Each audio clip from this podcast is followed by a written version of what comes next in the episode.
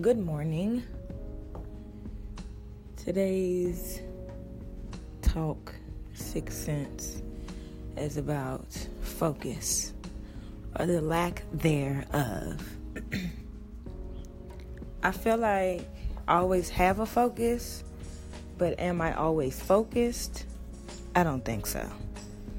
Um, and I say that to me like I always know that like what I want to do or what I have on my mind, but I'm always like scatterbrained, so I'm always all over the place.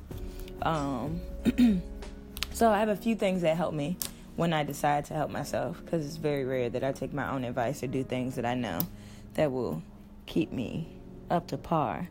But as cliche as it sounds, a to-do list. Write it out, make it visual um, so that you can check it off and you can actually see whether you've done it or not.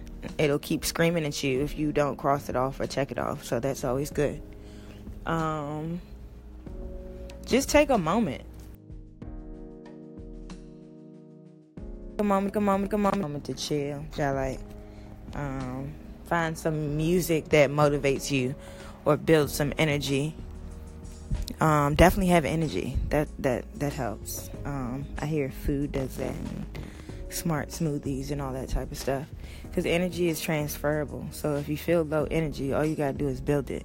And normally I do that with music. So build it and then transfer it um, in order to be productive. What other helps? What other things help with focus? Oh, like just forget about the bullshit. There's some things that you just can't deal with today, or you just can't fix or it's just not in your control.